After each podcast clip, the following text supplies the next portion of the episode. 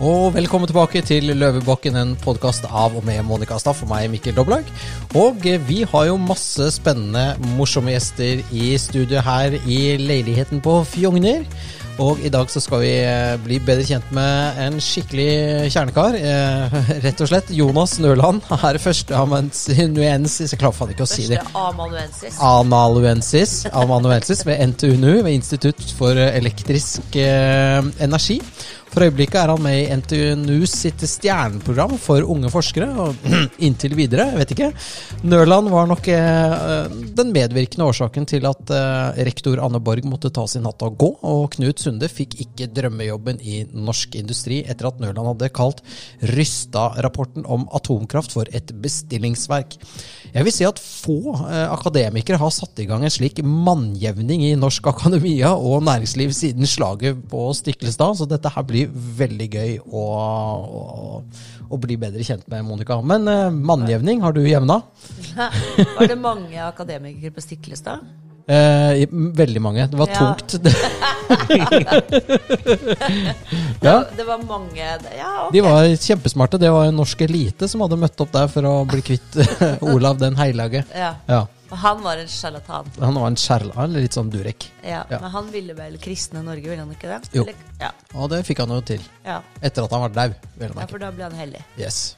Ja. Hans levninger ligger jo i Nidarosdomen. Mm. Ja. Så det er jo veldig koselig å tenke på. Eh, nei, jo, du, det har jo rent mye vann under broen siden sist. Mm. Eh, vi har jo fått opptil flere masteroppgaver i Fleisen som, eh, hvor det har vært mye klipp og lim. Mhm. Og det fortsetter sikkert å limes. Nå er det nyeste er jo at eh, statsråder ikke har lyst til å Vise frem masteroppgaven sin. ja. Eh, Giske sin er jo unntatt offentligheten. Mm. det er visstnok noe du kan bestemme selv. Ja. Fordi det er ditt åndsverk som du vil ha den liksom, så at den ligger åpen eller ikke. Det er liksom ja. Det er frivillig. Det er frivillig. Så det er ikke sikkert at det er noe surr der. Nei.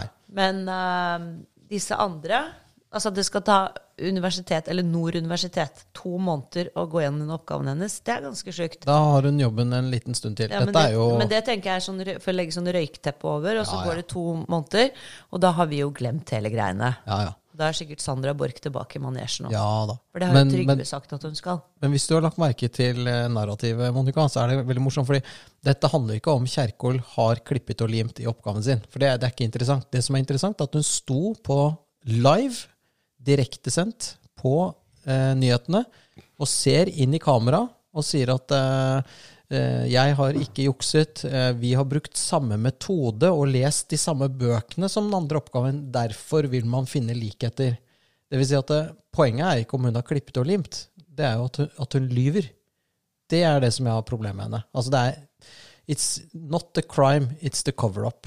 Ja, jeg er enig i det, men det er jo Jo, jo, men hvis hun hadde sagt det, eh, vi hadde litt dårlig tid da vi skulle lage masteroppgaven og glemte og, og Beklager, og, og vi eh, har nok uh, juksa litt. Uh, beklager, beklager, beklager, så er det greit. Men det var ikke det hun sa. Hun satt øynene i kamera og sa at jeg har ikke klippet og limt. Grunnen til at uh, du finner likheter i masteroppgaven, var for at de hadde brukt samme metode. ja, Det vil si at hun er en ganske dreven løgner. Hun har hatt hun har hun har hatt et par timer med Try, eller noen andre medierådgivere, for at hun løy hun form, Jeg reagerte veldig på det. Hun formulerte seg på en måte slik at du ikke kan ta henne for løgn. Altså, ikke sant? Altså, hun, altså, hun, he, hele måten hun sa det på, var oppkonstruert for at hun skal liksom slippe av kroken. Og så etterpå så forandrer jo hun jo historien etter hvert som VG og de finner ut av ting, så forandrer hun historien. Dette er typisk eh, i rettssaker sånn når man tilpasser forklaringen. Som ja, regel sånn som Tajik smart. Gjorde, ikke sant? Ja. Det var hele tiden nye avsløringer, og da kom det nye forklaringer. Yes. Men, eh, Men vi nok om det. Nok, nok om det. Ja. Det- Vi skal jo til en rapport Ja. Som eh, Rysta fikk i oppgave å lage, eh, og det oppdragsgiver var vel Norsk Industri og NHO, hvis jeg ikke tar helt feil. Og ikke, mi- og ikke minst Fornybar Norge. Eh, Fornybar Norge. For Fornybar Norge Her skal bjellen heng, henges på kattene. Her skal bjellene henges på kattene. Eh, og denne rapporten eh, hadde vel Altså, det som i hvert fall skjedde, og som vi fikk eh, høre her i introen, er jo at eh, da um, eh, noen forskere, du og en til, var det ikke det? Jo, meg og en kollega av meg. Ja, på NTNU. Ja. Kaller denne rapporten et bestillingsverk. Ja, vi gikk faktisk lenger. Vi sa at dette var eh, partsinnlegg og påvirkning, kjøpt og betalt av bl.a. Fornybar Norge. Det, det er ganske spenstig. Tør vi, å- tør vi å kalle en spade for en spade? Ja, ja, ja. ja. Ja, men det er jo helt eh, Altså, det å si sannheten har blitt eh, Det er kontroversielt, rett og slett.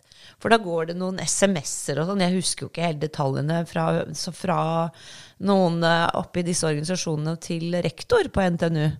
Som vel blir bedt om å få eh, forskerne sine inn eh, i rekken og marsjere i takt. Fortell oss litt om hva, hva skjedde egentlig. Jeg tror nok at eh, det der med når du da har en, en gruppe folk internt i NHO og Norsk Industri som har jobba for å få til et bestillingsverk, og dermed har betalt litt penger for det, så eh, er det jo klart at når du blir klandra for å være noe du vet veldig godt at du er, da, da stikker det dypt. Ja. Eh, det hadde vært lettere hvis dette var liksom Ja, ikke så ehm, For det er mye Opplyst. penger. Ja, for det er, det er så mye Nei. penger om, om det, det, er så, det er milliarder som står på spill her, Monica. Av Ja. våre Det er det, og det dere da påpekte, var at det var eh, feil. Masse feil i rapporten. Feil byggekost, feil kapitalkost, feil, feil driftskostnader og, og feil beregningsgrunnlag når de snakket om kjernekraft i rapporten. Ja, helt Altså, det er på en måte eh, det, det virker som ikke sant? Det, er jo, det er jo greit at interesseorganisasjoner som eh, har veldig stor redsel for kjernekraft i form av at det er en reell konkurrent, det er helt greit at de da prøver å finne argumenter eh, som passer deres narrativ.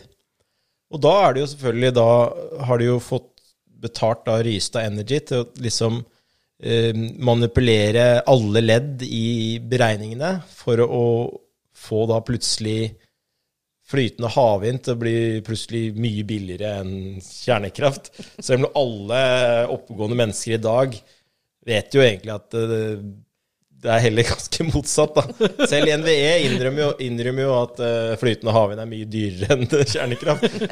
Men så har da liksom norsk industri betalt Rystad for å finne motsatt konklusjon. Ja, det er helt rått. Men jeg ser for meg liksom, De sitter nede på Aker Brygge ved Rysstad, ikke sant? så ringer de fra Norsk Industri da, så du, du får, Hvor mye kostet den rapporten? da? Noen millioner? Eh, halvannen million. Halvannen million. Det blir sånn du, skal, Kan du ta lage en rapport som bare trasher atomkraft, og får eh, Ja, det blir litt vanskelig, men halvannen million, er det nok, eller? Ja, ok, greit, du får rapporten neste onsdag, liksom. Det er jo sånn det foregår, virker det som, da. Mm. Ja. Ja, nei, det, det, det, jeg har jo skjønt i ettertid, da, det har jo kommet fram litt uh, forskjellige ting, at, uh, at det faktisk var uh, bakteppet for dette her. Var faktisk at uh, og, og det forstår jeg, det er en reell, reell bekymring. Fordi at det er jo ganske mange bedrifter i Norge i dag, også medlemsbedrifter i Fornybar Norge og Norsk Industri, som har lagt veldig mye i det at Norge skal få til dette havvindeventyret. Og da er det jo klart at når det, når det i media kommer veldig mye negativt om havvind, eh, lite gode nyheter der, og så er det veldig mye entusiasme for hjernekraft, så er det jo ikke så rart at det, disse menneskene opplever da dette som utfordrende. For hvis du da tenker liksom at eh, For dem så opplever jo de kjernekraft bare som en, som en avsporing, en måte å avlede fokuset bort fra de, de tingene som dem mener er viktig. Da, da kommer vi jo til det punktet at de faktisk da ville kjøpe en rapport for å prøve å få lagd et rasjonale for å legge hele den kjernekraftdebatten død i Norge. Ja, så du kan si at Hvis de bare hadde sagt at dette er et partsinnlegg, Denne rapporten. Ja. Eller sånn- ikke, ikke blitt dritfornærmet når de sa det var et bestillingsverk. For de tenker det er jo det det er, så ja, ok, vi Ja. Ikke sant? Men egentlig sånn som det fungerer egentlig, det, det kom jo faktisk fram i Dagens Næringsliv rett før jul, så er det faktisk en forsker på NTNU, heter Morten Velgete, som har gjort et stor utredning rundt det med konsulentrapporter i Norge. Og det han finner ut, det er at det, det finnes ingen eksempler i Norge på konsulentrapporter hvor eh, noen har bestilt en konsulentrapport, og hvor konklusjonen er delvis eller fullstendig i strid med interessene til de som har kjøpt rapporten. Så egentlig så er det jo ikke, Det har jo ingenting med kjernekraft eller havvind å gjøre, dette her. Dette er bare en generell, generell praksis at konsulentrapporter i Norge er per definisjon bestillingsverk. Og grunnen til at uh, interesseorganisasjoner er be interessert i å betale mye penger for dette her, det er fordi at skal du, skal du prøve å pushe et narrativ som ikke nødvendigvis er nøytralt, da må du være god på å eh, korrigere på tall, eh, måte lage en rapport som eh, klarer å argumentere best mulig for du, de interessene du skal pushe, eh, selv om du ikke er nøytral. Altså Du skal ha en ikke-nøytral rapport som fremstår med å ha gode argumenter likevel. Og det er verdt en del penger, og det er derfor den rapporten da kosta en halvannen million. Hvorfor den eh, rapporten vi eh, skrev for Norges tekniske vitenskapsakademi, den ble ikke betalt et rødt øre for. Og, og den ble da liksom eh, ikke nevnt, eller på en måte ikke, fikk ikke samme oppmerksomhet som Rysta-rapporten. Som var Jo, nesten den- så sånn NTN Jo, den norsk- fikk, den fikk litt oppmerksomhet i Dagens Næringsliv. Den, for det var jo det, som- det var det som var litt av frustrasjonen til Rystad. De hadde liksom håpet at nå skal mandag 27.11. så skal Dagens Næringsliv eh, eh, komme da ut med en sak. Rystad Energy eh, legger hele kjernekraftsaken død i Norge. Det er fullstendig galskap å tenke på kjernekraft. Og så skal liksom da ulike aktører, Fornybar Norge Ja, dette visste vi alle sammen, at dette var bare tull. Og så. Men så ble det jo ikke sånn. Nei, det- Så ble det heller en sak hvor det sto at det var to rapporter på samme dag som kom med stikk motsatt konklusjon. Og Slapp dere den samme dag fordi hvis Nei, det, det er det som er så epic. epic at, at da liksom Norges em, tekniske vitenskapsakademi har da altså da eh, boklansering for deres bærekraftsbok samme dag som da Rystad for NHO skal legge fram den eh, Kjernekraft i Norge-rapporten. Så heter vårt kapittel også Kjernekraft i Norge. Vårt kapittel heter da Kjernekraft i Norge med et spørsmålstegn. Ja, Ja. Fordi vi ville jo spørre om var smart det med faktisk ville vite ja, ja. sannheten. Ja, ja, ja. Det er sannhetssøkende. Ja, liksom Ja, en slags objektiv vurdering av er dette Ja, ja. lurt. Mm.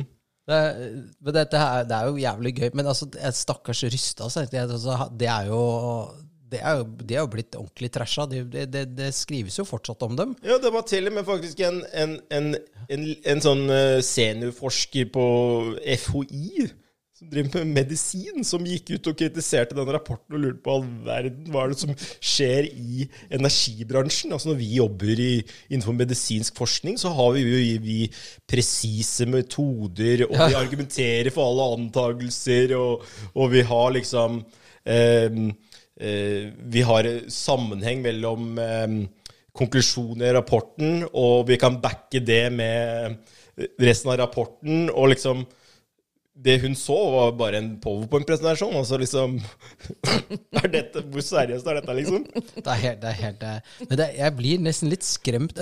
Ja, du har jo plumpet litt uti det, for det er som Monica sa, det, og så begynte det tekstmeldinger, og her dere to stakkars eh, akademikere hadde liksom vandret litt sånn ut i et minefelt, tror jeg, eh, plutselig, uten å tenke over det. Altså plutselig så sto dere bare ja, midt i minefeltet, da. Og her er det Altså, tenk deg at du er en reder på Vestlandet. Så har du akkurat liksom kontrahert et nytt skip til 1,5 milliard kroner som skal slepe disse vindmøllene ut på havet, ikke sant? for at nå skal du tjene penger. Så kommer han der Jonas, ikke sant, og Og bare har lyst til å skyte han, vet du. Jeg skjønner jo at eh, Dytte han ut av et vindu nede i jeg København eller at et eller annet sånt jo, jo. Som ikke har skjedd før. ja, men jeg skjønner at det, det begynner å gå tekstmeldinger, da. Eh, så hva skjer? Nei, altså det som skjer med meg, var at jeg var jo da i Dubai på, på klimakonferanse. Og hadde da blitt in invitert dit for å holde et foredrag hvor jeg skulle sitte i et panel og diskutere eh, om hvorvidt eh, kjernekraft var en eh, oversett energi, energikilde i denne i klimasammenheng. Da. Mm. Eh, så får jeg bare plutselig eh, telefon fra en journalist eh, i Dagens Næringsliv som eh, ringer meg, og, og så sier du Rektoren din har begynt å gå etter deg.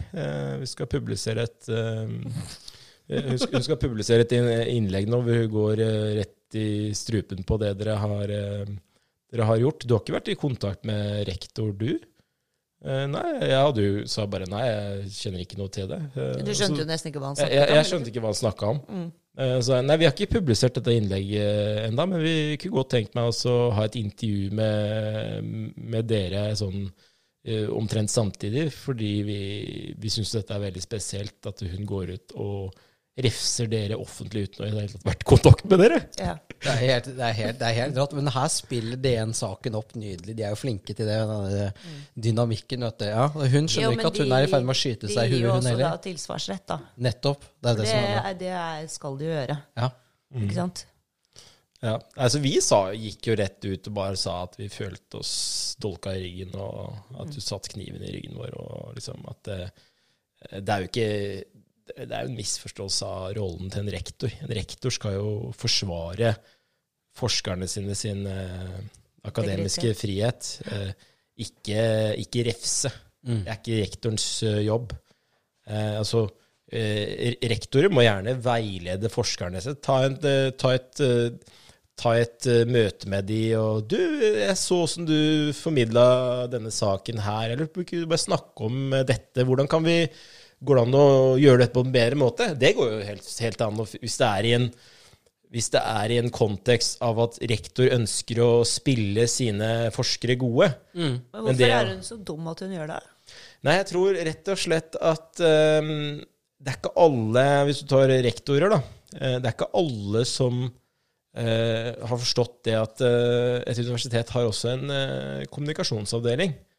Eh, og når en rektor kommer og gjør ting i media som er ganske uvanlig, så er jo den kommunikasjonsavdelingen den er jo der for å kunne brukes og gi bl.a. rektorer råd. da. Eh, Det virka ikke helt som at uh, den kommunikasjonsavdelingen på NTNU var helt happy med at uh, de ikke ble så mye involvert i den prosessen. Nei, men hun hadde fått så mange sinte tekstmeldinger fra disse gutta hun, at hun bare turte ikke noe annet. Ja, og så tror jeg det var eh, rett og slett eh, NTNU hadde jo tegna en avtale med, med NHO rett uh, uka før der. eh, Kjøpt de- og betalt der omtrent, eller Ja, ja. liksom forsøk på Ja. Jo, nei, så det det var jo blant annet eh, Deler av avtalen gikk jo inn på at de skulle være med og gå i lag i påvirkning av politiske prosesser osv. Så, så det kan hende at det, det noen, var noen um, direkte eller indirekte bindinger i denne avtalen som gjorde at hun følte seg pressa til å eh, gå etter eh, forskere som ikke var helt koordinert med mm, NHOs og Norsk Industris og Fornybar Norge sin agenda for politisk påvirkning. Ja. Og hvordan har du hatt oppfattelse av hvordan hun har vært som rektor tidligere? da? Hvor, hvor, hva, hva er hun for noe? Er hun eh, doktorgrad i Hun er doktorgrad i fysikk, så hun burde jo da eh, Skjønne ha, et visst forhold, ha, ha vis forhold til liksom, i hvert fall realiteter da, i forhold til f.eks. det grønne skiftet. Da. Mm. Mm. Ja, for det, det sier seg selv. Dette er jo bare det- Dette er sånn Det er pluss minus. Det er hvor mye kilowatt får du ut av så og så mange kroner investert. Det er jo egentlig det Det, det er ganske enkelt regnestykke, er det ikke det? Ja, Jo, ja. Det, det er jo det også. Så er det jo, handler det om, eh, om leveringsstabilitet. Ja. Ikke sant? Altså vind eh, krever jo vind, da. Eh, og så har de jo også det med hvor store arealer som blir brukt. Ja, den Jørn Siljeholm, han som hadde, vi hadde jo podden her, som var i Natur- eh, Naturvernforbundet, sa jo Ja. at det var så rart nå, for nå man skal redde jorden ved å ødelegge den. Ikke sant? At du skal, skal hugge ned skog og, og, og liksom eh, Ja, og Paradokset, opp, da. Sette opp Ja. vindmøller lagd av stål, betong og plast, som de ikke egentlig har noen god eh, avfallshåndtering av enda. Og som kaster fra seg plastpartikler, altså dreper mye fugl. Ja. eh, og er eh, stygt. Ja. Altså Ja. Det de gjorde på Haramsøya på Sunnmøre, f.eks. Altså høvlet av hele toppen på øya og satt opp det. Det er altså Utilgivelig, vet du. Ja, men det er faktisk utilgivelig, altså. Ja. Og når du vet at det er en lite stabil eh, energikilde jeg, jeg, jeg kan ikke noe om det, men jeg, jeg har bare vært imot hele dritten fordi at jeg mener det går ikke an å bygge ned landet med vindmøller. Når vi har vannkraft som eh, kraftverk som kan moderniseres, og ikke minst da dette alternativet med kjernekraft. Ellers har jo Terje Aasland har et annet eh, alternativ. da, Å bygge sånne fislete lyktestolpevindmøller langs hele E18 til tre kroner kilowattimen. Det er hans forslag. Tre kroner Tre, det er jo dritdyrt. ja, det er, det er litt, litt det som er litt av utfordringen med vindkraft. Da. For at du skal få økonomi i det, så må du bygge sånne svære parker som, som okkuperer svære landområder, og som uh, er høyt opp i lufta, som har et veldig stort visuelt footprint. Da. Skal du bygge, hvis du bygger små vindmøller, så blir jo dette veldig dyrt. Ikke sant? Ja, ja. Så det er jo det som er eh, interessant, ikke sant? Skal du Det blir jo en naturkostnad ja og eh, det er å, å bygge svært. ja. Men det blir jo også en stor økonomisk kostnad å bygge lite og fislete. Ja. Slik som Aasland foreslo. Han foreslo at du skulle bombardere hele E18 fra Oslo til Kristiansand med sånne lyktestolpevindmøller. Er seriøst. Ja, det er seriøst. Det er- det er Folk det satt som er så kaffen i skremmende. halsen, liksom. Det, Nei, det er jo helt Altså, det går jo ikke an. Ja, for, ja, altså, du, du er jo forsker eh, eh, i skal vi si, realfag. Altså, hva, hva het det før? eh, Hva het det NTH? Norsk? NTH, ja. Det var liksom ordentlig, et ordentlig Og så var det disse gærningene oppå gl Gløstad. Dra- Dragvoll. Dragvoll? Humanoria. Humanoria. Ja. Humanoria, Eller Volk, da. Ja. Volk-folket. ble slått sammen med realistene på, på um, Gløshaugen. Ja. Og da ble det NTNU, og da ble det krasj. Eller eh, få høre. Nei, da er jeg bare tuller, men ja, ja. altså Tuller ikke. Nei, tuller ikke. det, er jo, det er jo klart at det, det er ulike universiteter rundt om i verden som har hatt ulike approacher på det. Vi tar f.eks.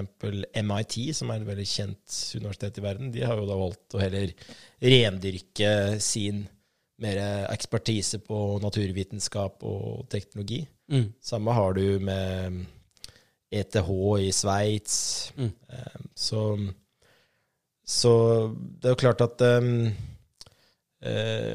de fleste på Gløshaugen eh, når det blei fusjonert, var ikke akkurat så veldig positivt eh, til det, fordi NTH hadde jo faktisk et ganske stort navn ute i Europa Mm. eh, på den tiden. Og så Når du ser den fusjonen med NTNU, så har jo NTNU ikke akkurat vokst på rankingene de siste ti årene, heller gått, Gått ned, ganske ja. langt nedover. Da. Ja, for at de hadde sånne ringer og sånn før, med sånn derre sånn, De som har gått på NTN, NTH, Mm. de hadde sånn der ring på fingeren med sånn eh, kule på. Ja. Så, da var de ingeniører, eller Ja. Ja, det var jo en da debatt i, eh, på Dagsnytt 18 for noen år tilbake, da, hvor det var noen som mente at dette var noe forbaskede, jålete greier, og at dette, var, eh, dette ikke hørte, hørte Ja, samtiden til. Ja, jeg mener det er bra, ja, for det viser liksom at du, du er stolt, du har gått på et sted, og det er liksom Som ekte. er anerkjent, Ja. og hvor det er eh, rett og slett eh, Du må ha gode karakterer for å komme inn. Ja. Og du må være flink for å fullføre. Mm. Eh, det blir jo selvfølgelig veldig feil i manges øyne. Og hvis du skal være så jålete at du skal ha en ring som liksom beviser at du er flink jente eller gutt, Ja. også feil. Ja, for jeg vil også ha ring. Ja, for det blir urettferdig. Det blir urettferdig. Ja, Ja, det blir jo det. ja. ja. Må vite. Nei da, men det er klart, jeg er helt enig med deg. De har nok ødelagt eh, et Ja, det godt brand som eh, NT, Det var jo- NTH hadde. Det var jo helt rett det, for noen tiår tilbake så hadde jo NTH, det var jo prestisje å ha en utdannelse derfra. Da er det ingen som vet NTNU, ja vel. Hva gikk du på? Sosiologi, eller gikk du på informatikk, liksom? Tok surfelinje.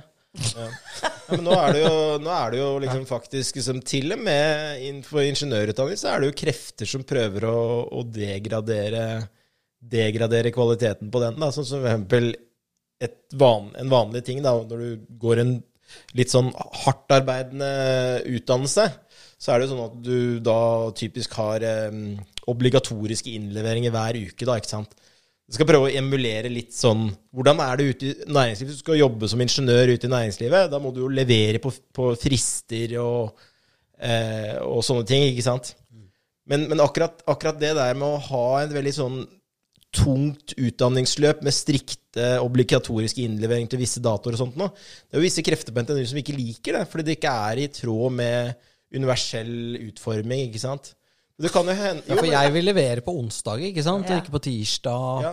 Jo, for, det, det, for det, det kan jo hende at det, hvis jeg har et kull på 100 stykker, da, så kan det hende at det er et par studenter som har en tøff periode et par måneder. ikke sant? Ja. Og da må be om et spesialtilpassa opplegg for å få det til å gå opp med seg. Men, men det er et Det at ø, ø, studenter da må be om spesiell tilrettelegging, det er et tegn på at kurset ikke er i henhold til universell utforming. Dermed så er det per definisjon ugreit å ha obligatoriske innleveringer i løpet av et semester. Ja, fordi to av hundre, da, si, Ja, ja. får utfordringer med det av forskjellige årsaker. Det kan jo ha mange ting å gjøre, ikke sant. Eh, så skal de andre 98, Ja.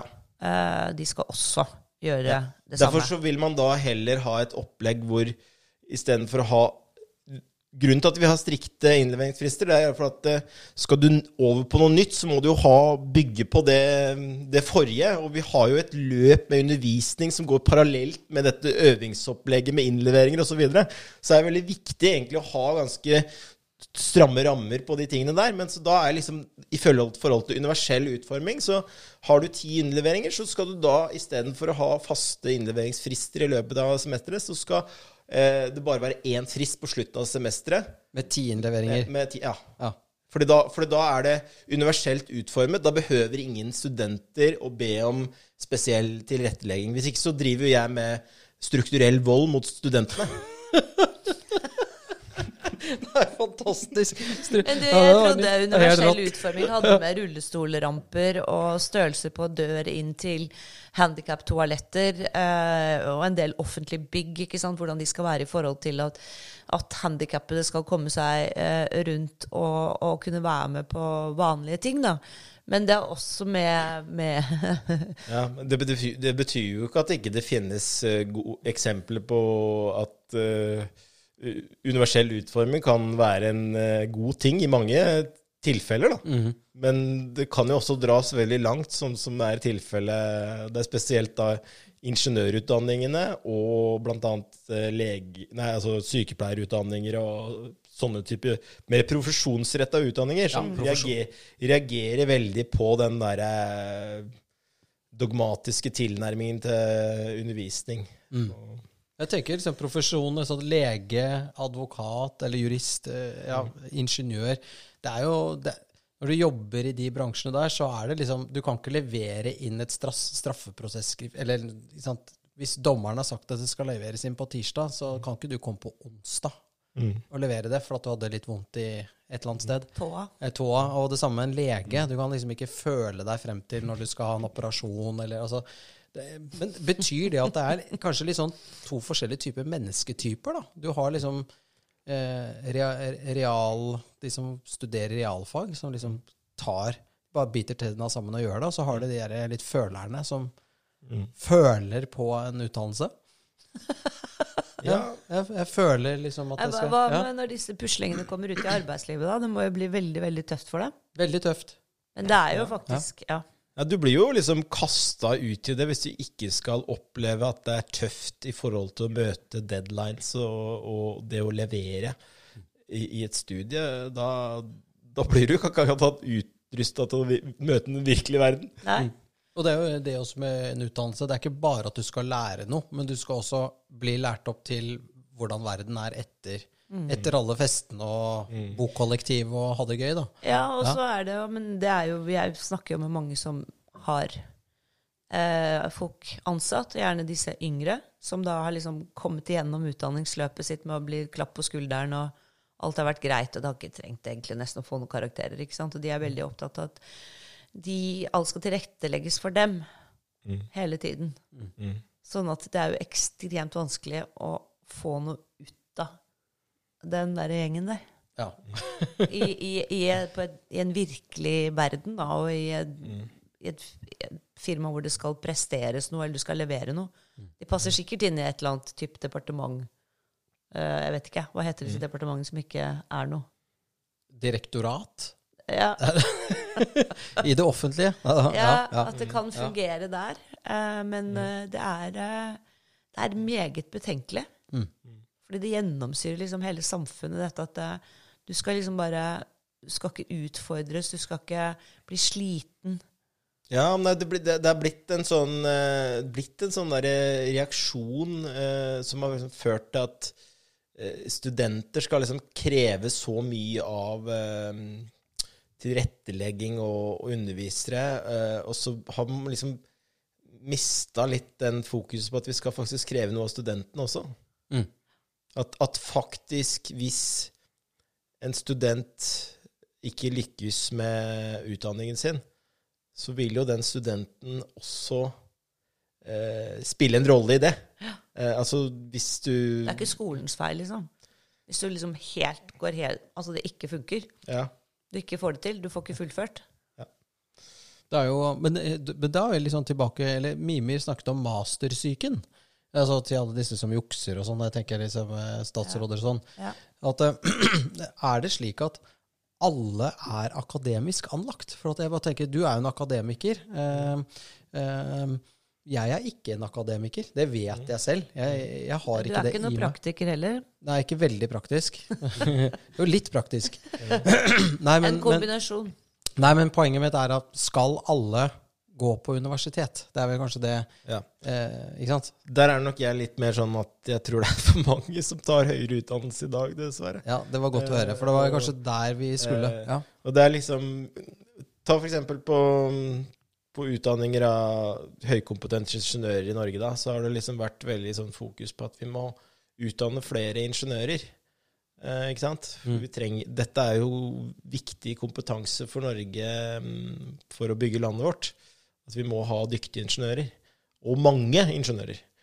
Eh, og så er det jo sånn at eh, selv om mengden ingeniører har gått opp, så er det jo ikke sikkert at eh, det blir så mye kvalitet Selv om det blir mer kvantitet, så er det ikke sikkert det blir så mye kvalitet. fordi det vi ser, eh, hvis du ser på nivået da, på det som utdannes, så eh, eh, Før så var det sånn hvis du kom fra NTNO, NTH og hadde en sivilingeniørgrad, så var det jo liksom bare helt selvsagt at dette var en rådyktig ingeniør som da eh, Det var liksom et brand som virkelig Du visste hva du fikk, liksom. Mm. Men sånn er det ikke lenger. Det er eh, Selv ikke de som er utdannet på NTNU. Ja, det er, det er eh, For det er mye sånn distriktsuniversiteter som kan Mm. utdanne ingeniører osv. Og NTNU på Gjøvik òg, vet du. Mm, Stemmer det? Ja, ja. Ja, så det er mye rart. Ja. Ja, det er mye rart, så, så det, det er liksom ikke Hvis du dobler antallet ingeniører i Norge, det er liksom ikke mm, Du lurer deg selv da, ved å bare tro at uh, du har uh, Hvis du utdanna 100 ingeniører i 1970, og så utdanner du 200 i dag, liksom. Du lurer deg sjøl ved å tro at eh, liksom den akkumulerte kvaliteten av det du leverer, er så mye bedre enn hvis hvis de som ble utdanna for flere tiår siden, var, eh, var mye, mye mer eh, Kompetent. kompetente enn det, det de er i dag. Da. Så det vil si at du kan søke på en eller annen ingeniørstudie og så være sånn passe for å komme deg gjennom, eller hva, hva er det som er årsaken? Nei, Altså, jeg, jeg tror, eh, jeg tror det der med å, med å stå, da, det er eh, Det er litt lett, lettere nå i dag. Det er ikke så liksom så veldig Det det skal ikke så mye til for å få en uh, D eller E, eller til og med en C i noen tilfeller. ikke sant? Mm. Mange studenter er jo egentlig ganske fornøyd bare med å stå, ikke sant. Så Komme seg, halte seg videre. Mm. Ja. ja. Så altså, du trenger ikke å være så jævlig god i fysikk og sånt for å egentlig bli ingeniør, da. Nei, det er liksom blitt tilpassa, da. fordi at eh, det er jo det som ofte skjer, at hvis du har et fag, da, så har du det som kalles for normalfordeling. Du skal Ja. jo liksom Ja. eh, Hvis du har en Det var jo en eh, det var jo en, eh, en lærer i et fag på mitt institutt da, som hadde stryket noe enormt med mennesker, det er studenter. Og han fikk jo høre da at dette var ikke greit Nei. å stryke så mange eh, studenter. ja, for to skal få A, to skal strykes, og resten skal fordeles i Ja. midten av kurven. Ja, ja, ja. Ja, så Han var jo litt, litt eldre enn meg da, og var liksom i den gamle skolen. Ja, hvis uh, halve klassen stryker, så ja, da, Så strøk de. ja, da er det Da må de gjøre noe med det. Ja. Det Det er som i Frankrike, der kan du dumpe på barneskolen nå. Mm. Ja, hvis du ikke, ja, ja, altså, det, er, det er litt kjipt, altså. Men, Det eh, er, ja. Ja, men det er faktisk sånn også i Sveits, da, på ETH, altså på EPFL, Mm. i, eh, i um, Lausanne, så er det faktisk sånn at det er eh, 300 som begynner på det der første året på sånn der ingeniør... Som er satt opp for at du skal kunne studere til å bli ingeniør der, da. Og da er det bare, kanskje bare 100 som eh, Fullfører, fullfører, og resten blir bare skala av etter det første året, liksom. Så Jeg Det liksom, husker det var noen nordmenn som Jeg, jeg studerte jo Lausanne, jeg gikk ikke der, da, men eh, som, som, som bare var der ett år. Jeg gikk på pleie. Nei, jeg tok økonomi, eh, Monica. Eh, men det husker jeg at de gikk på ETH, og det var veldig liksom Og så ble de bare borte etter et år. De kom ikke videre. Ja. Mm. Nei, det- er liksom ikke noe menneskerett å bli, å bli hva som helst, liksom. Altså, du har jo folk som er kjøpmenn på Rema 1000. De elsker jobben sin. Hvorfor ikke finne noe som passer for deg? Ja. Altså, altså Hadde jeg vært kjøpmann på Rema, jeg hadde kanskje blitt litt sånn uh, repetitivt arbeid for min smak. Men andre elsker jo det. Hvorfor kan vi ikke heller bare fi finne ting som passer en selv, og passer sin egen eh, preferanser og ferdigheter? Ja, og så er det jo, det er jo veldig bekymringsfullt at vi får ikke sant, et lavere nivå på ingeniører, når du vet at da sveitserne spyr ut eh, ordentlig, ordentlig høykompetente, flinke ingeniører. Ja. Ja, vi taper jo på det òg. Ja, ja, Og så er det plutselig så kollapser en bro oppe i Gudbrandsdalen, ikke sant? Fordi det, den er det, dårlig gjorde det faen meg òg. Ja. Det, det, ja. Ja, men det er på faktisk- 13. Ja, ja. Det er faktisk en fordel med, med bruingeniører, da. At eh, akademikere som jobber eh, innenfor det feltet, og mm, ingeniører som har blitt utdanna innenfor det, det er jo folk som Da får du faktisk konsekvenser for samfunnet de, da, da liksom, Hvis den brua ryker, så, så, Så ryker ser, man, Ja. ser man konsekvensene. Men for, innenfor andre fagfelt i akademia, ikke sant Så bare får de lov til å holde 30 på. ned i gata, de har rett når de sier det de sier. Og så kommer resultatene noen tiår etter, så må de ikke stå til ansvar. Og Det er den der ansvarsfraskrivelsen som jeg tenker eh, bør være i alle fagfelter. At det er jo noen fagfelter eh, i akademia som eh, bare kommet de siste tiårene, har egentlig ikke så veldig mye å vise til. Mm. det er umodne fagfelter. Som for eksempel. Nei, altså Det er jo Du kan jo ta studier i Ja, jeg vet ikke hva du kaller det. Krenkelsesstudier. Du kan ta Ja, men du, tenk på det. Du, krenk, ja, ja, du har det. Ja. Krenkelsesstudier, faktisk. ja, ja. Nei, så det er ofte, ofte Unnskyld. det, det, det er jo sånn på, i, det er, I USA så har du jo liksom sånn Det er jo ofte sagt at hvis du Det er noe som heter ender med studies. Da. Da, da er det Da bør det være en trigger warning på at uh, Ja.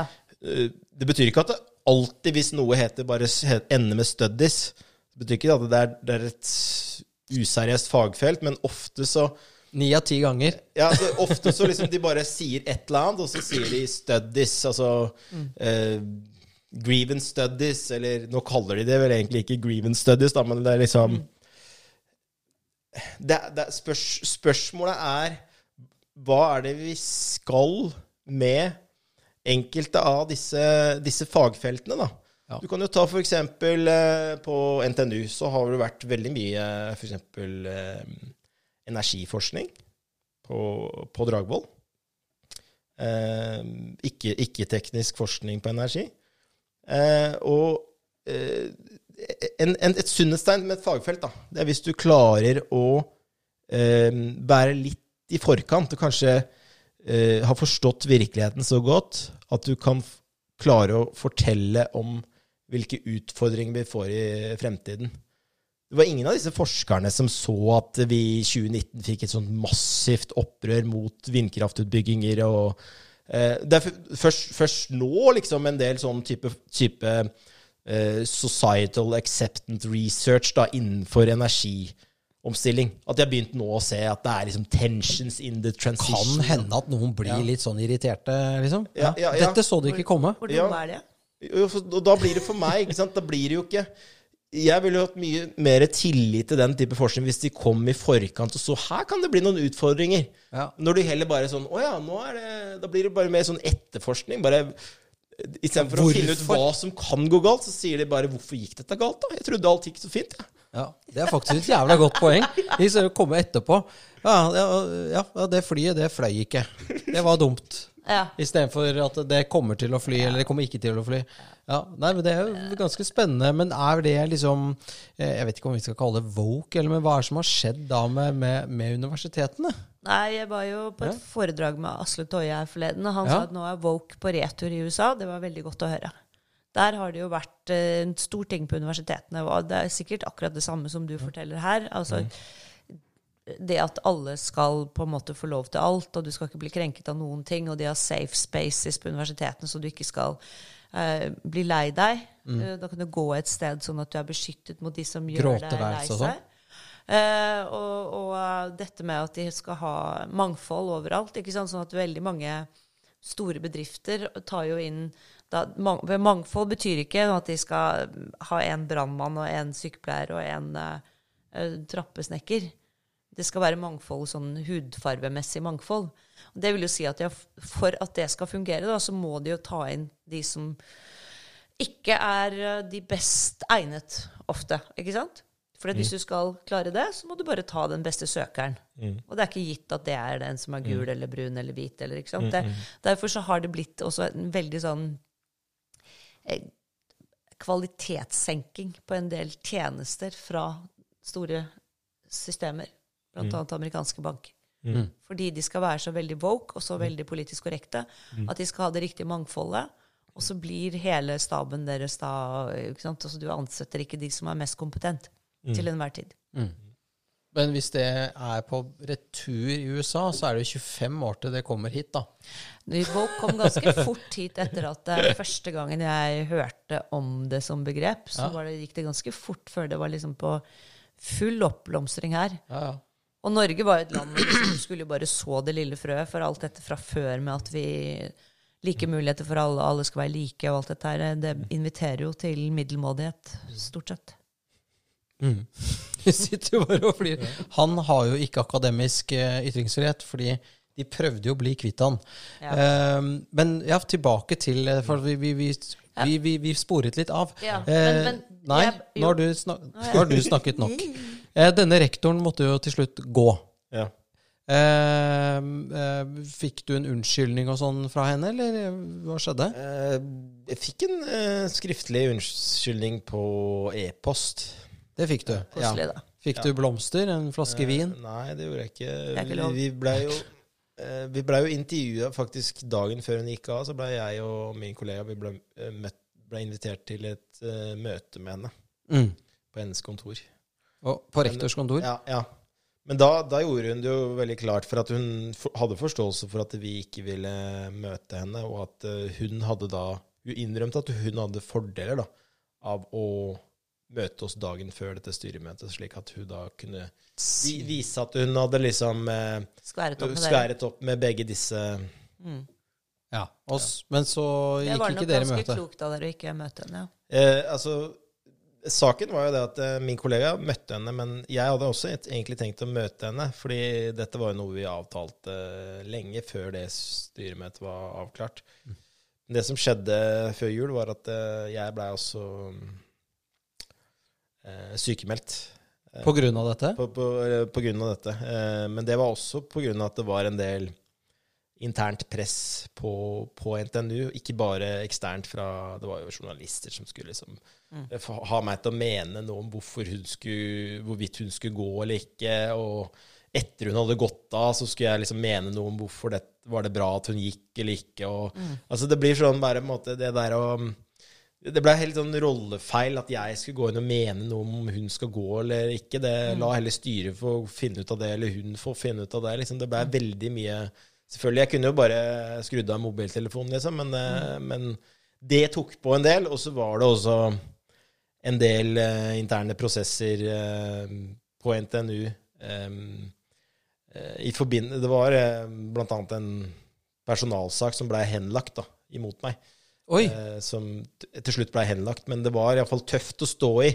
Eh, at alle de tingene skjedde samtidig som det ble lagd en personalsak mot meg. Ja, Var det for å presse deg, Ja, eller? det var, jeg, jeg, jeg opplevde det som et sånt eh, eh, Litt sånn på en måte cherrypick. Uh, det er jo sånn med, folk, da, hvis du virkelig har lyst til å ta noen, så kan du klare å finne noe å ta noen på. Ja. Ikke sant? Det, var, det var ikke helt likhet for loven, følte jeg. Og jeg følte dette var på en måte Og det tok veldig på meg psykisk å både ha denne saken og denne interne saken samtidig, så jeg blei sykmeldt en uke før jul.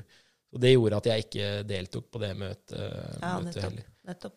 Det er ganske heavy hvor hardt de går løs på dere. Eh, Jeg vil jo si det. Det, det, det er ganske voldsomt, det, det de prøvde på. liksom å, å sende, At det kommer SMS-er, og at hun blir instruert av NHO om å gå etter dere, og så gjør hun det i tillegg. Så står, ja, så står det til og med på en SMS-en der, så står det at, at jeg skal bli håndtert når Ja. jeg kommer, på, kommer hjem fra Dubai. Da skal du håndteres. Lurer på hvordan. Skal du legges over og få spank, eller liksom Ja, men det er ganske sånn. Det er ganske med at han får en personalsak midt i trynet, da, og Ja. håndteres sånn at du skulle bli kvitt deg, sikkert. Eh, vil jeg tro, da. Men eh, du er jo ung. 35. Ja. 35 år. Og førsteamanuensis. Mm. Så du er et liten du er, Det er ikke tilfeldig at du er på stjernelaget til NTNU? Ja, altså Grunnen til at jeg kom inn der, var vel fordi at jeg hadde kanskje noe å vise til forskningsmessig. Um, så det Men nå angrer de? jeg Eller? syns- ja, ja, men jeg syns jo på en måte NTNU er et flott universitet Mm. ved at de, de gir eh, muligheter til unge forskere som har klart å vise at de har fått til noe interna internasjonalt, da, Mm. forskningsmessig. Mm. Det, synes, det, må de, det må jeg gi de creds for. for. Fordi du må publisere og holde på, ikke sant? For Ja. sånne Har jeg skjønt? Ja. På sånne. Men, eh, men jeg vil nok, eh, hvis jeg skal utfordre NTNU videre nå, så det hjelper jo liksom ikke at rektor er veldig tydelig på Den nye rektoren nå er veldig tydelig på akademisk ytringsfrihet, akademisk frihet osv. Det hjelper ikke hvis ikke disse tingene kommer nedover systemet, systemet, ned på fakulteter og institutter. Mm. For det er mange som peker på at det er en ukultur mange universiteter eh, i, eh, i eh, dag. Rett og slett masse folk som ikke orker å, å delta i samfunnsdebatten. Ikke eh, orker å formidle sin egen forskning, fordi at de er redd for eh, Og da er det faktisk ikke responsen fra samfunnet for øvrig, men rett og slett um, Ja. responsen fra egne kolleger. Ok. Ja. Så du er ikke redd for at noen hvis du, altså Ikke du, da, men de andre. Det, det handler ikke om at du, du får sinte lesebrev i Aftenposten, eller Det er ikke det. Det er rett og slett det kollegiale som ikke Ja. fungerer. Ja, altså jeg, jeg, jeg og en har liksom opplevd at at det er kollegaer av oss på vårt institutt som får da e-postkontoen sin spamma med sinte e-poster om hvor, eh, eh, hvor eh, frustrerte de er over oss og sånt. Men de går jo ikke til oss og sier fra om hvor, hvor lite fornøyde de er med det vi sier og gjør og osv. Men de går til altså kollegaene våre for at de skal bli bli pressa da, ikke sant, til å Og det er jo slitsomt for dem, ikke sant? Og liksom hvor, Kan ikke vi bare bli kvitt Ja, han Jonas? det, og det er jo litt sånn liksom? som i SSB, ikke sant, hvor du de som faktisk legger frem en statistikk som er reell, da, og, og sier at sånn er det, de får jo også eh, internjustis på arbeidsplassen. Ok. Det er jo mange steder det er sånn. Ja, ja. Altså Alle er så redde ikke sant, for å ikke være politisk korrekte. At det blir en sånn internjustis, sånn at det, eh, det ordner seg selv, liksom. Som ofte så trenger jo ikke rektor å gripe inn, for det er jo ingen som tør å si fra om at dette var et bestillingsverk, eller dette var eh, forskningsmessig ukorrekt ikke sant, metode, eller Ja. Nei, men jeg, jeg tror det er viktig at det der å forstå hva et universitet er. Et universitet er ikke som en bedrift hvor man ofte på sett og vis må gå i flokk. Et universitet er et, rett og slett et uenighetsfellesskap. Og, og det at det ikke det kan finnes noe som helst uenighet i akademia, det tror jeg kan svekke akademias troverdighet på, på sikt. Eh, at man ikke tør å vise de, de tingene som eh, det er stor uenighet på, og der det er kunnskapshull. Det er jo litt av kanskje utfordringen i dag, da, at på en måte akademia kanskje for 100 år siden, så var, det, så var man ganske dogmatiske på ting man hadde forstått veldig godt. Så tillot man skeptikere, man tillot djevelens advokater innenfor området der, der vi ikke visste alt ennå. Men så har man da liksom i nyere tid liksom ikke turt å, å, å ha den derre debatten, og så har man på en måte man gått fra La oss si eh, 90 eh, Før så var det kanskje 90% dogmatisme, 10 skeptisisme. I dag så har det blitt nærmere 100% dogmatisme, og, og skeptisisme blir liksom ikke tillatt, fordi vi skal gå i, gå i flokk. Um, eh, og, da, og, da, tror man at det skal gi legitimitet. Man gjør, får jo ikke legitimitet på sikt hvis, tar, hvis, det viser seg at man tar grundig feil. Mm. At man viser at man faktisk har forskere som turte å komme med sine faglige perspektiver i debatten, så man faktisk ser at, at akademia er ikke så på ville veier som man skulle tro. Mm. Det tror jeg er et sunnestein. Mm. Absolutt. Det er jo sånn det skal være. Mm. Tror du den saken liksom uh, Har den laget litt vei i vellinga, tror du?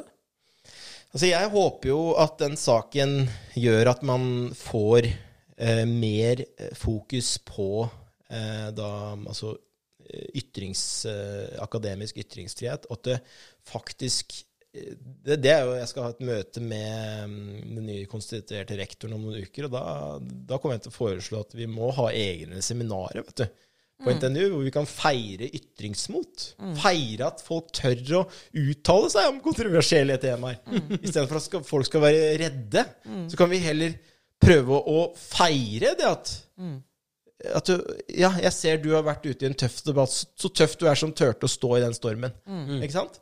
Mm. Lage en helt annen kultur enn den der redselkulturen som, som det, det, er jo det som skjer med når rektoren går ut, og ikke, hvis det ikke hadde blitt tatt, uh, tatt, hånd om, og hvis ikke det hadde blitt reagert på, og hvis ikke hun hadde til slutt gått av, osv., så, videre, så hadde jo det gjort bare fått en nedkjølende effekt. Da ser de bare Se på han derre Jonas der. Han blei sykemeldt og eh, liksom ha, tøft, tøft liv. Og så åssen får han livet til å gå opp, liksom? Altså, jeg tror jeg har en rolig åtte til fire-jobb, ja, så gjør jeg mitt, og så prøver jeg ikke å åpne kjeften for mye. Så kan jeg jo kanskje si litt sånn sannheten, kanskje inne, inne på bakrommet, inne i korridorene og sånn. Bare ikke si det offentlig. Da, da kommer jo backlashen, ikke sant. Mm. mm. Det er jo veldig, veldig skremmende, men det er, det er jo i tråd med hva vi f.eks. har hørt om Forsvaret og andre steder i vårt samfunn hvor noen ikke tør å si hva de mener. Eller si hva som de mener er feil, da. Hva som er problematisk. Som ikke er politisk korrekt. Er det, men er det en norsk ting, tror du, Monica? At vi, vi, er veldig glad i å være konforme i Norge? Også i andre, andre land som kanskje ikke er sånn? Vi sier jo alltid at svenskene er så konforme, men de får jo til mer enn oss, da. Ja. De gjør jo det.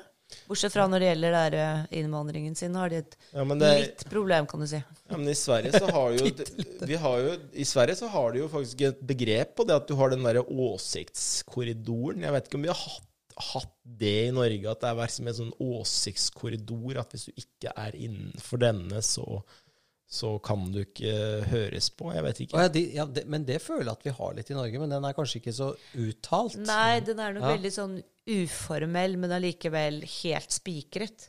Jeg tror veldig mange føler akkurat det samme i alle mulige sammenhenger på arbeidsplasser. Hvor det er typ, ikke sant, i departementer Jeg vet jo mange steder hvor eh, hvis man stemmer Frp, så bør man helst ikke si det høyt i lunsjen. Altså, det er jo et lovlig norsk parti. Det er ikke veldig kontroversielt, egentlig. Nei, men det er ikke innafor åsiktskorridoren. Nei. ja, ja. Og, og det, det, er jo i seg selv ganske skremmende. Mm. Mm. Men det er jo det. Men da er vi liksom tilbake til hvem er som har bestemt at det skal være sånn. Og det virker jo sånn, sånn som disse kreftene du gikk imot, da, mm. med, med Rysta-rapporten og sånne ting. At det, det, er noen som har bestemt at uh, kjernekraft, det er fy. Ikke sant? Mm. Kjernekraft er farlig.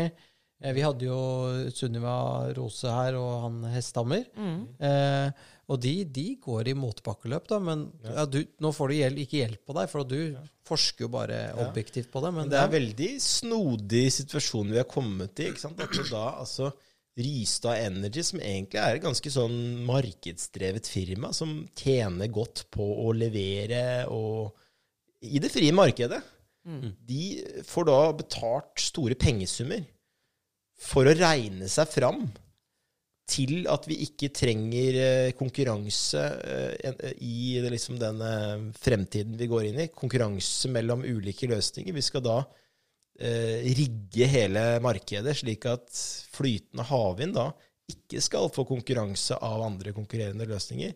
Slik at vi kan planlegge at flytende havvind blir en suksess.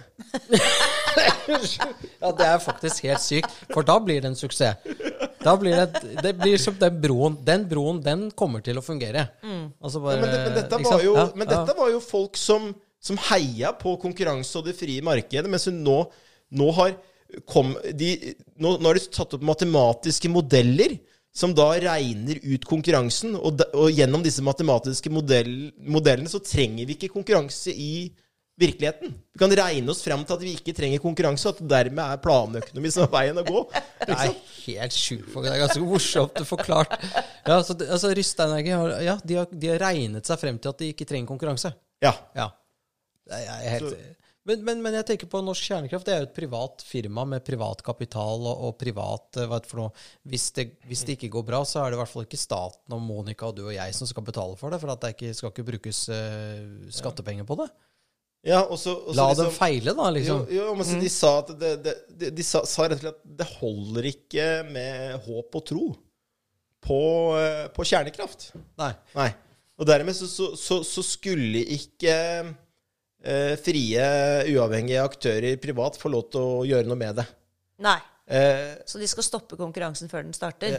ja, så, så da altså Norge det er det altså det eneste landet i hele verden som kun Altså energi, ny energi av betydning fram mot 2050, så er det flytende havvind vi skal satse på. Vi bygger den dyreste havvinden i hele Nordsjøen. Det er ingen, det er ingen andre land som er interessert i å satse på flytende havvind. Nei. Men dette er vårt konkurransefortrinn. Å bygge den dyreste havvinden i hele verden. Har, har du regnet på dette? Eller, Jeg, ja, jeg har regnet på dette. ja, og dette, Hvor gærent er dette her? Nei, det er eh, Det er rimelig, rimelig spinnvilt, altså. Det er det. Er det. Så, så det, er, det er liksom på det nivået med at liksom Jeg tror rett og slett vi må bygge ut noen prosjekter for å se hvor gærent dette går, for at eh, det skal snu. Men, men, men, men, jeg er jo mer teknologinøytral. Altså, la nå disse folka få prøve, da. Og, og, og, og feile. Altså, men, men la oss ikke være det eneste landet i hele verden som skal satse ene og alene på dette her. Ikke sant? Det, blir så det, det, det holder ikke med håp og tro. Vi må, vi må, må, må være åpne for at det, dette kan faktisk gå ganske galt. Og da, og da ikke tillate at andre frie aktører kan få lov til å konkurrere. Kan ikke bare alle utslippsfrie energikilder få lov til å konkurrere på like vilkår? Hva, hva, er, som er så, så, hva er som er så vanskelig med det? Ikke sant? Også hvis du er så redd for at kjernekraft er så dyrt, hvorfor skal du forby ting som er så dyrt? Da, det, Det er altså, ingen som vil ha det allikevel. Ja, det er sant, det. Jeg vil ikke ha kjernekraft til 10 kroner kilowattimen da. Det vil jeg ikke kjøpe. Nei. Nei, ikke til én krone heller. Hvis det er 50 Hva, hva er kjernekraft? Men det som er faren med dette, som du sier, at jeg er helt enig at mamma får bare få lov til å prøve og feile. Og, og så må de andre få lov til å prøve og feile. Ikke sant? Men du kan ikke stoppe noen fra å prøve. Eh, Da er vi inne på et helt annet spor som handler om ideologier vi ikke liker. Eh, Men eh, jeg syns jo det er tragisk at de peprer hele landet med disse vindmøllene som ikke har så veldig mye for seg energimessig og leveringsstabilitetsmessig. Og det samme hvis de sleper en haug av dette ut i Nordsjøen, og så går det gærent etter tre år, så skjønner de at dette er helt vanvittig. Og så er det, jo- blir jo liggende der, da, dritten. men nå kommer det jo fram her på den eh, verdens det. Verdens største øh, flytende havvindprosjekt, Hywind Tampen, som er bygd, bygd utafor vår kyst. Uh, det kom- kommer jo nye rapporter nå om at uh, masse av komponentene har begynt å ryke allerede etter bare noen år. Og så må vi bytte komponenter. Så, Det er helt sjukt. så, og, og de dette er jo Ja, ja, ja, så det er eh, store utskiftinger av komponenter allerede, ikke sant? med korrosjonsproblematikk og Dette her er jo på en måte mekanikk grunnkurs som vi ikke engang har forstått. Men, men, det er jo, men der er vi tilbake til dette med at, det- at eh, da skal man også bruke hundrevis av milliarder av skattekroner på noe som bare går til helvete, som vi vet går til helvete. Men vi har ikke råd til sykehus. Vi har ikke, altså det, altså, det går jo på bekostning av noe, så det er jo bare et vannstyre, dette her. da. Sånn, det, Jo, dette er farlig. du farlig, tenke da. deg havvindutbyggerne. De, de, eh, de er jo ikke nødvendig De er jo interessert i å tjene penger, ikke sant? Ja, ja, de så, går det bra med. Så det som disse, disse in- eh, differansekontraktene, som eh, kontraktsprisene gjør, det er at du skjermer disse utbyggerne fra det reelle kraftmarkedet. Selv om de produserer strøm til nullpriser, de produserer strøm når strømmen ikke er verdt noe, så får de betalt selv om de leverer strøm som på tidspunktet hvor det er allerede overlessa med strøm. Ikke sant? Så får du betalt for det gjennom kontraktspris. Og der er på en måte, Det er litt mer business case for kjernekraft. Da? Kjernekraft kan produsere strøm hele året. Så kjernekraften da får betalt for alle de dyreste timene i året med høye strømpriser. Så kjernekraft på den ene siden presser strømprisen ned på de periodene av året hvor vi har høye strømpriser, samtidig så at de også tjener penger på, på det. Og så tar gjerne kjernekraftverket da vedlikehold midt på sommeren, når strømprisene er forventa å være lave. da. Ja. Så kjernekraften får faktisk ganske godt betalt eh, for strøm i det ordinære markedet. Noe havvind ikke gjør. og Derfor så må jo havvind da ha disse subsidiene. Og det at kjernekraft da har mye større my, mye bedre forutsetninger for å stå på egne ben uten, uten subsidier, det gjør jo at dette blir jo subsidiejegernes største fiende. For det ødelegger jo legitimiteten for hele dette subsidiekjøret. Og det var der Det er fælt å le, altså, men jo, men det, er helt, det, er, det er skremmende. Men det er der, det er der dere kom, da. Ødela, dere ødela festen, da. Ja, ja, ja. Eller f før festen hadde begynt. Vorspielet ødela dere. Ja. Ja, ja, jeg var litt inne i festen, tror jeg. ja, ja faktisk også. De skulle, bare, de skulle bare Jo. egentlig signe, sealed and delivered. Nå er det bestemt. Det skal bare være det. Jo, men altså, vi, vi, vi tok de altså Når det kommer til den Rystad-rapporten, så tok vi de litt på senga. Eh, og det, det som skjedde, var at eh, Jaran Rystad Det gikk rykter fra flere politikere om at han gikk rundt på Stortinget og var eh, helt i fyr og flamme over at nå skulle han om to uker levere en rapport hvor han skulle legge kjernekraft dødt en gang for alle i Norge. At det var bare å starte å forberede seg på å feire, og liksom at det nå Tok seieren på forskudd. ja, ja, han tok seieren på forskudd. Ja. Så lakk jo dette ut, ikke sant? Ja. Så de blei jo tatt på senga. ja. Ja. Altså den rapporten nå altså det, Til og med folk eh, Kan ikke innad i engang. Jo, jo, jo men, men eh, de som, de som er, eh, er, er interessert, nysgjerrig i kjernekraft, de 1,5 millionene den rapporten kosta, det er vel brukte penger for de som vil ha kjernekraft i Norge, altså. ja, Det er, egentlig. den rapporten der, det er, den gjør, gjør eh, Altså, de gjorde seg selv en bjørnetjeneste ved det de gjorde, fordi at de Ja. It, it went up in their faces, er det ikke det det Ja, heter? Ja. Vi hadde jo da, som, sagt, som du sa, Sunniva og Jonny Hestammer her på podden før, før rapporten. Eh, og før eh, kjernekraft kom ordentlig på agendaen, som den har gjort etter rapporten. Eh, nå er det veldig mange som er oppmerksom på det, og som vil vite mer om det, vil kunne mer om det. Og Norsk Kjernekraft har jo også fått noen eh, kontrakter, det hadde de jo før, før dette skjedde også, med noen norske kommuner. Eh, så vi må vel si at vi er veldig glad for at det er konkurranse i det markedet fortsatt. Ja, det, det håper jeg at uh, i hvert fall vi kan være enig i. At uh, det er vanskelig å spå fremtiden. Eh, og det å la ulike løsninger få lov til å konkurrere med hverandre, det er ikke nødvendigvis en dum ting. Det er en veldig, veldig god ting. Det liker vi som er sånn marked, markedsstyrte. Vi, en time går veldig fort. Vi er liksom eh, Har vi snakket oss igjennom det meste nå, Monica? Føler du Det var noe jeg avbrøt deg på. Var det veldig viktig? Nei da, det var sikkert ikke viktig. Jeg husker jo ikke det lenger nå. Nei da, det er bare fascinerende, som jeg prøvde å si, en eh, veldig ung mann da, på 35. Ja. Eh, både at eh, Ja, det viser mot. Det er veldig bra. ja. Vi, er er- vi er imponerte. Vi er imponerte. Vi er veldig glad for at du ville komme oss til Løvebakken. Tusen takk for besøket. Ja. Tusen takk for muligheten. Ja.